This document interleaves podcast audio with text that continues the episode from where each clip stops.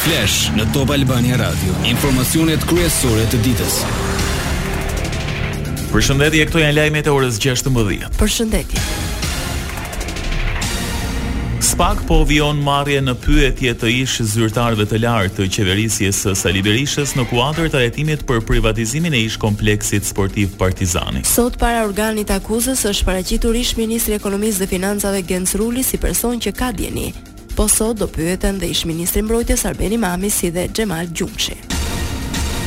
Nga Durrësi kryeministri Edi Rama bëri bilancin e sezonit turistik veror. Ai e cilësoi si më i mbari ndonjëherë, jo vetëm nga flukset e të ardhurave në ekonomi, por edhe sa i takon pastërtisë e shërbimeve publike. Vetëm në gjashtëmujorin e parë ne kemi kaluar një miliard të ardhura në ekonomi nga turizmi. Pra pothuajse dyfishin e vitit më parshëm, flukset e vizitorëve të huaj, deri në gusht kemi qenë në pesë pikë gjashtë, pesë milion e gjashtëqind e ca mijë turistë, që është e barabartë me faktikisht Një pikë tre milion më shumë se sa vitin e kaluar. Rama foli në shifra duke iu referuar të dhënave të para vitit dy mijë e trembëdhjetë. Sot, pjesëmarrja e këtij sektori në volumin e përgjithshëm të ekonomisë së vendit në prodhimin e përgjithshëm kombëtar është shtatëmbëdhjetë për qind, pra nga katër në shtatëmbëdhjetë për qind. Për gjithë ata që për një mijë e një arsye refuzojnë ta njohin progresin dhe e kanë kujtesën të shkurtër faktikisht. Kryeministri pati një lajm edhe për projektin e Portit të Ri të Durrësit. Jemi pak Edhe pak javë në mos pak muaj, po është vetëm çështje e përfundimit procedurave edhe në edhe në parlament, na ndajnë nga fillimi i punës për portin më të madh me të Mesdheut turistik, këtu në Durrës.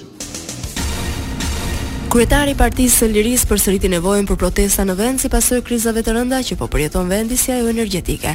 Në një konferencë për mediat, Ilir Meta theksoi se kudo ka shkelje të ligjit dhe të të drejtave të qytetarëve. Konfindustria vlerëson se vendimi i ERE-s prej enjtes për rritjen me afër katër-pesë herë të çmimit të energjisë elektrike për konsum familjar mbi fashën tetëqind kilovat në muaj do të jetë me pasoja të rënda për nëntëdhjetë deri në njëqind e tridhjetë mijë familje shqiptare dhe me ndikim të drejtpërdrejtë në rëndimin e klimës së biznesit dhe të ekonomisë kombëtare. Kërkojmë që Enti Rregullator i Energjisë të paraqitet në Kuvend dhe të japi shpjegime të hollësishme për gjitha këto shqetësime. Vendi ka një nevojë uluritëse për protesta, për greva kudo. Gjithashtu ish-presidenti la të hapur mundësinë e bashkëpunimit me Partinë Demokratike gjatë lokaleve të dy mijë e njëzet e tre-shit, pasi siç tha e rëndësishmja është fitorja e opozitës. Po, Opozita duhet të dalë në të gjithë Shqipërinë me kandidatë të përbashkët. Kjo është më e mira për situatën, për arsye sepse jemi në kushtet e një shteti mafioz. Jemi në kushtet kur opozitës nuk i lejohet të as të vonohet, as të mos Koordinohet as të mos bashkohet, Partia e Lirisë është e interesuar vetëm për fitoren e opozitës. Pa dyshim që është e interesuar për rezultatin e saj, por këtë askush nuk e pengon për arsye sepse rezultati çdo force politike në radhë parë është në këshillat bashkiake. Ish-kryetari i Partisë Demokratike Lulzim Basha do të merret në pyetje për financimet ruse. Grupi i auditit i ngritur dje nga selia blu do të drejtohet nga ish-zëvendës kryeministrja e qeverisë së përbashkët që doli nga marrëveshja Rama-Basha. Grupi i auditit parashikon të mbledhë prova të cilat Berisha beson se Basha i ka shkatërruar para se të largohet nga drejtimi i partisë. Hetimi i brendshëm duket se fillimisht synon të diskreditojë Lulzim Bashën para demokratëve. Nëse akuzat faktohen, Vendimmarrja për dërgimin e raportit në Prokurori do i takojë organeve drejtuese të partisë. Kreu i grupit parlamentar demokrat Enkelejd Alibeaj u takua sot me ambasadorin e Britanisë në Tiranë Alistair King Smith. Në një reagim në rrjetet sociale, Alibeaj pohon se i ka kërkuar diplomatit britanik mbështetje dhe asistencë teknike për reformën territoriale. Takimi mes Alibeajt dhe ambasadorit britanik vjen në një kohë kur kreu aktual i Partisë Demokratike Sali Berisha është shpallur non grata nga Mbretëria e Bashkuar. Lajme nga rajoni. SHBA-ja mbetet e vendosur në çrrënjosjen e korrupsionit në Ballkanin Perëndimor dhe nuk përjashton vendosjen e sanksioneve të tjera në të ardhmen. Deklarata vjen nga zëdhënësi i Departamentit të Shtetit amerikan Ned Price gjatë një konference për shtyp. Duke iu përgjigjur pyetjes së mediave, Price tha se për DASH sanksionet janë një mjet i rëndësishëm në luftën ndaj korrupsionit.